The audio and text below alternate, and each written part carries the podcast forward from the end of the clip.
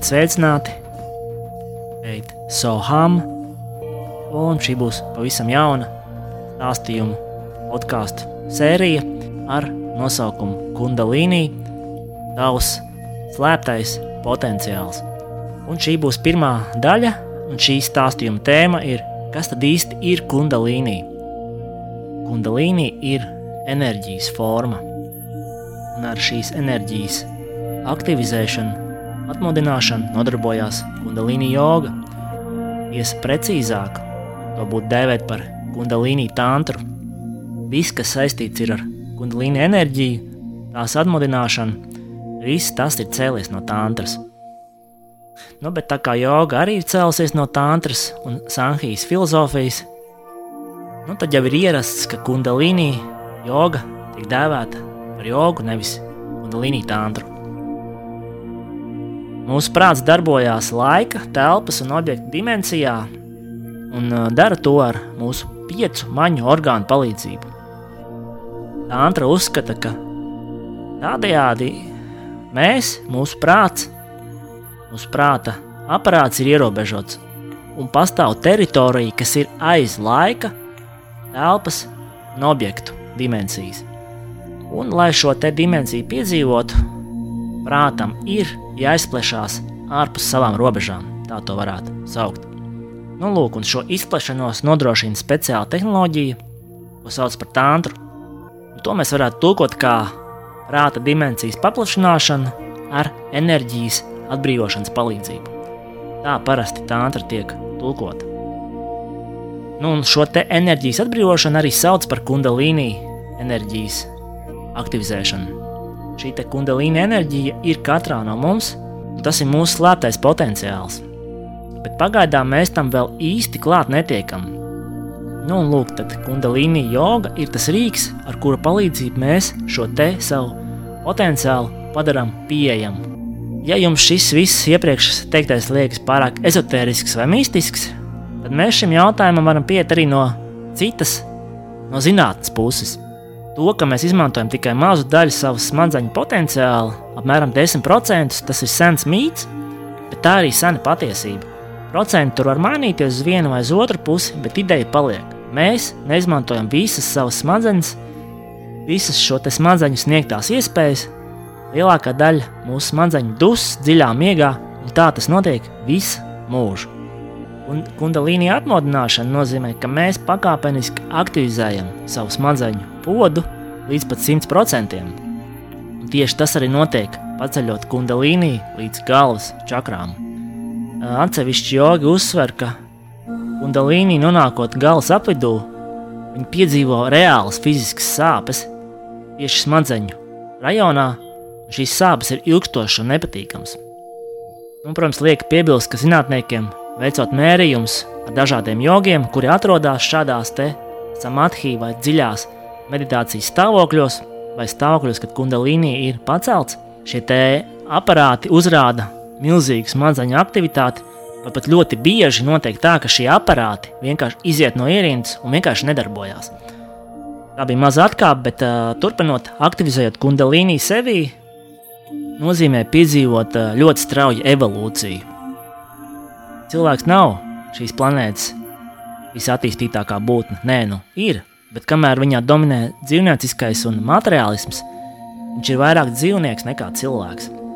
Un starp citu, jogi uzskata, ka ne alkohols, pat ne narkotikas un citas šādas aprebinošās vielas nav tik bīstamas cilvēka apziņai, kā tieši iekšanās pēc komforta, greznības, slavas, naudas un statusa jo tieši šie stāvokļi darbojas kā hipnoze, kas cilvēku atspiež atpakaļ evolūcijas trepēm.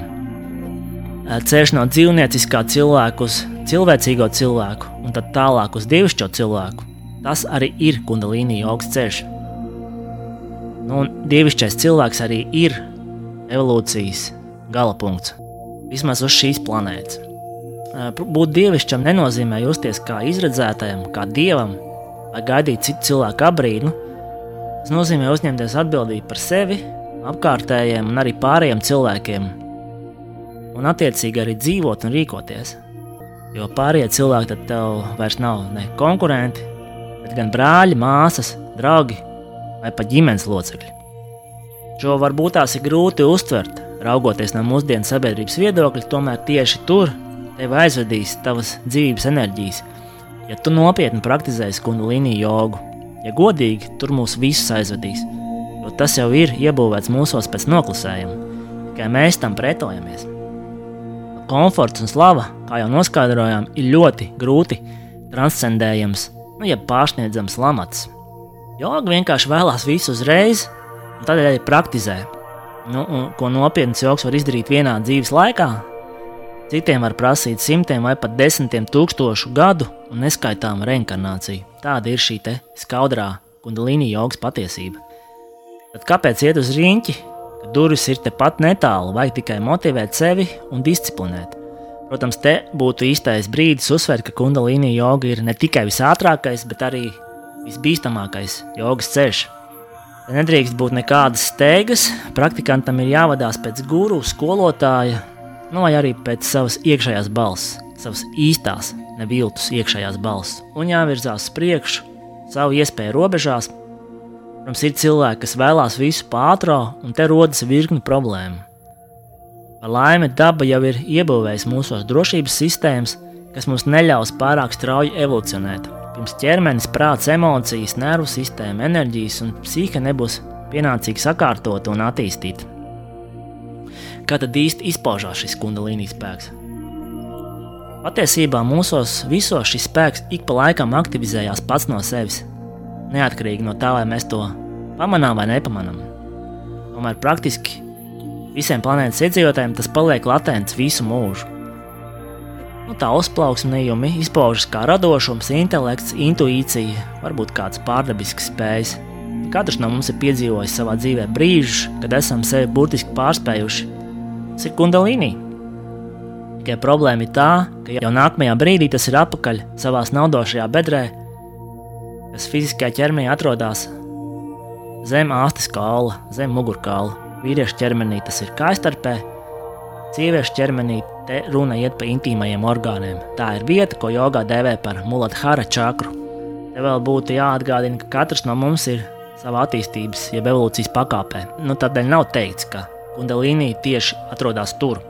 Kādam tas jau ir pacēlies iespējams uz otro čakru, uz trešo vai pat ceturto. Un, protams, tas izpaudīsies darba spējās, sasniegtajā un arī cilvēcīgo īpašību buķetē bet par to mēs vēl parunāsim kādā citā epizodē. Protams, kundalīni nav fiziska enerģija, tāpēc to tur fiziskajā ķermenī nevar atrast. Kundalīni atrodas astrālajā ķermenī, par to arī pārvietojās.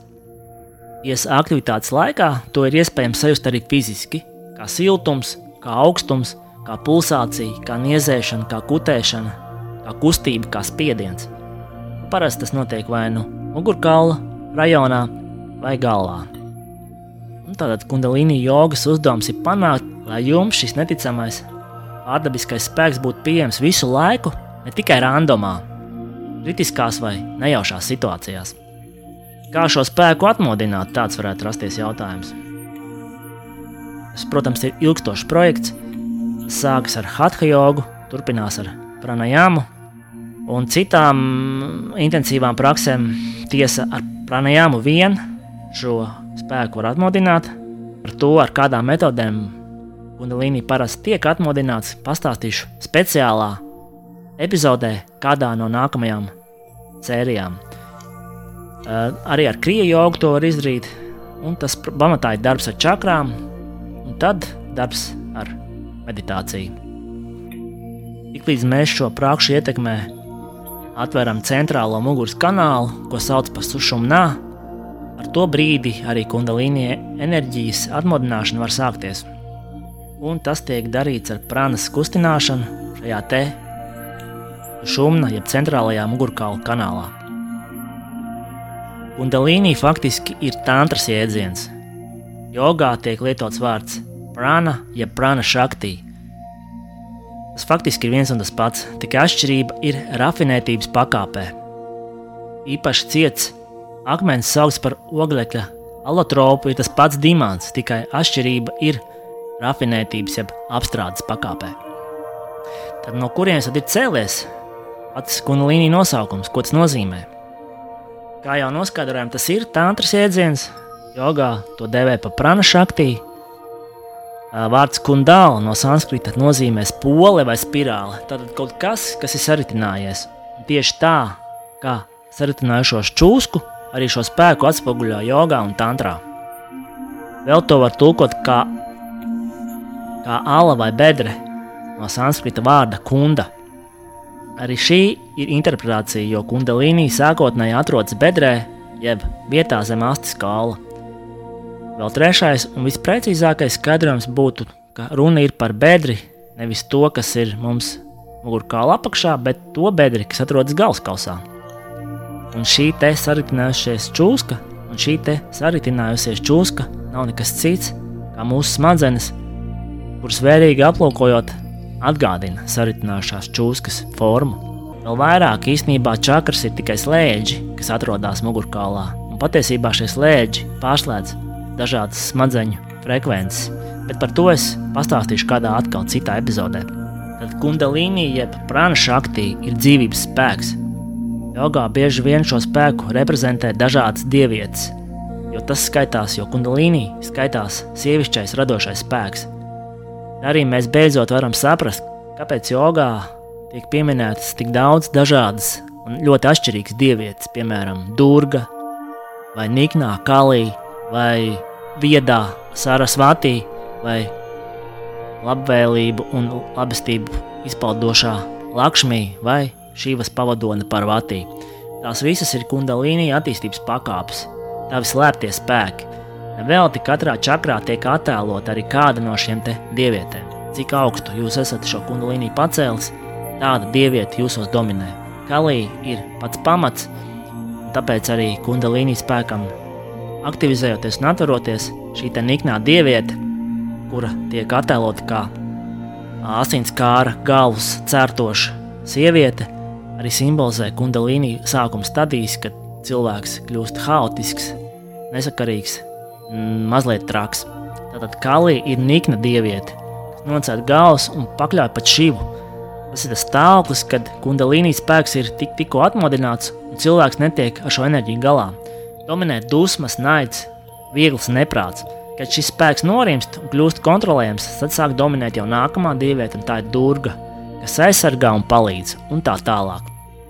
Atvērt un aktivizēt kundalīnī spēku nozīmē aktivizēt sevī šo dievišķo spēku, kurš tad caur cilvēku izpaužās. Nu, mēs varam teikt, ka tādējādi dievietes kļūst par mūsu kalpiem. Nu, labi, tas varbūt neskan īsti pareizi un zelīti, bet par sabiedrotajiem gan noteikti. Interesanti, ka arī kristietībā parādās šis te kundalīnī moments, jau kā kāpnes uz debesīm, kas ir apskaidrība, jeb kundalīnija pacelšana galvā. Un arī čūskas simbols paradīzes dārzā arī ir ļoti vērā ņemams un zināms simbols. Tad mēs varam teikt arī, ka kundalīnija ir garīguma simbols. Ja mēs uz to skatāmies no psiholoģiskā skatu punkta, tad kundalīnija ir zemapziņa, tās spēks. Ja raugāmies no šaivisma skatu punkta, tad kundalīnija ir šivalingams, pirmotnējais ovālais formas tēls, ap kuru apvijusies šī čūska. Vēl kundalīni nozīmē iekšējo tīro apziņu.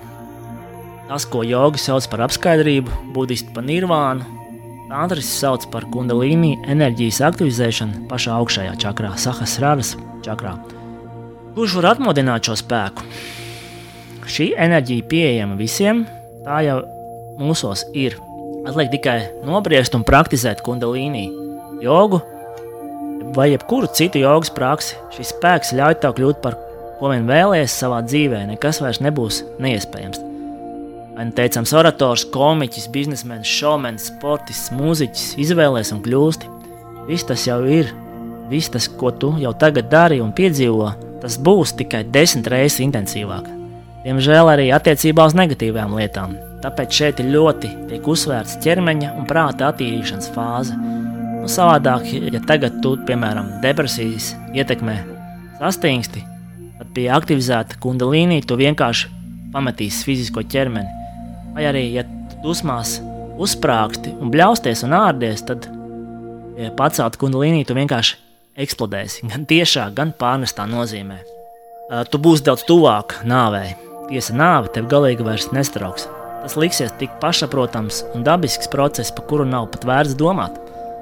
Iespējams, šis ir arī viens ļoti būtisks moments, kā cilvēks tiek galā ar bailēm no nāves, kas mājo katrā no mums un patiesībā ir jebkuru baiļu un fobiju pamatā. Tikai nu, paslēptā formā. Šīs tad arī noteiks, cik aktīvi un pilnīgi tu dzīvo savu dzīvi, proti, tava spēja pieņemt šīs bailes no nāves. Un Dalīni noteikti noņems tev šo nāves bāļu ankuru, kurš tik būtiski samazina tavu virzību, priekšu, tavu evolūciju.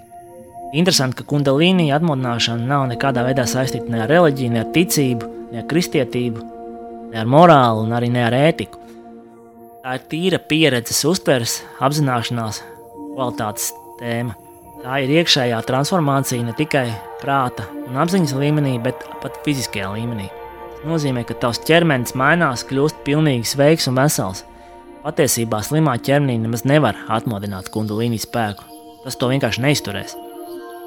Šeit no, transformācija notiek gan šūnu, gan audu līmenī, smadzeņu līmenī. Mainās ķermeņa forma, balss tembrs, seja, acu skatiens, aromāts. Cilvēks tas pats, tomēr viņā arī vizuāli kaut kas ļoti būtiski mainījies. Kādēļ kundalīni joga būtu jāpraktizē? Kādēļ cilvēki izvēlās šo kundalīni jogas ceļu? Nu, pamatā tās ir spējas, ko šis spēks dod. Ārdabisks spējas, spējas pacelt dažādus nereālus projektus, uzlabot savu materiālo stāvokli, starp citu, šī iemesla dēļ arī Bihāras jogas skola, kura dibinātājam es vēlētos pateikties par visu šo informācijas un zināšanu klāstu, ko es jums arī šeit stāstu. Tad šī Bihāras jogas skola šī iemesla dēļ pārtrauc jebkādas kundalīni jogas programmas apmācības. Tagad gan viņi ir atsākuši, bet uh, specifiskā, palēninātā tempā. Jo cilvēki toreiz vienkārši izmantoja šo kundalīnu jogu, šīs prakses un šos iegūmus, lai uzlabotu savu materiālu stāvokli un praktizētu okultu. Nu, tas, protams, galīgi nesaskan ar jogas pamatuzdevumu, garīgā evolūcija. Tieši pretēji tas praktikantu ved atpakaļ, piesaisti materiālajai pasaulē un atkarībām, komfortam un greznībai, par ko runājām jau epizodes sākumā. Uh, noslēdzot uh, simboliski kundalīnī pacelšanu un virzīšanu, Sahas Rāras čakrā, tantrā nozīmē šīvas un šaktī savienošanos. Sievišķā un vīrišķās enerģijas, sievišķās un vīrišķās enerģijas savienošanos. Nu, tas ir faktiski tas, ko mēs saprotam ar vārdu seks. Šis ir garīgs process, nu, kad dvēsele atceras un saprot, ir pats galvenais. Ne ķermenis, ne prāts, pat ne prānas un psihe, pat ne apziņa tieši dvēseli. Dvēsele ir bez dzimuma, tāpēc arī šī šaktī un šīs savienošanās var notikt. Atnākot uz šo pasauli, šajā ķermenī, dvēsele tiek iesprostota un spiesta pieņemt spēles noteikumus - dzimumu, tautību, piederību, radiniekus un tā tālāk. Tas viss nomāca, vai drīzāk aizsardz dvēseli, tās gaismu. Nu, kad šis viss ir novākts, un tam nav obligāti jānotiek no visa atsakoties, Pietiek to saprast un apzināt. Tas ir noticis, tad mēs varam runāt par kundalīnī spēka aktivizēšanu un dzīvošanu ar šī spēka aktīvu līdzdalību. Šī bija pirmā sērija, un turpināsim ar nākamo stāstu nākamajā epizodē. Soham uz tikšanos!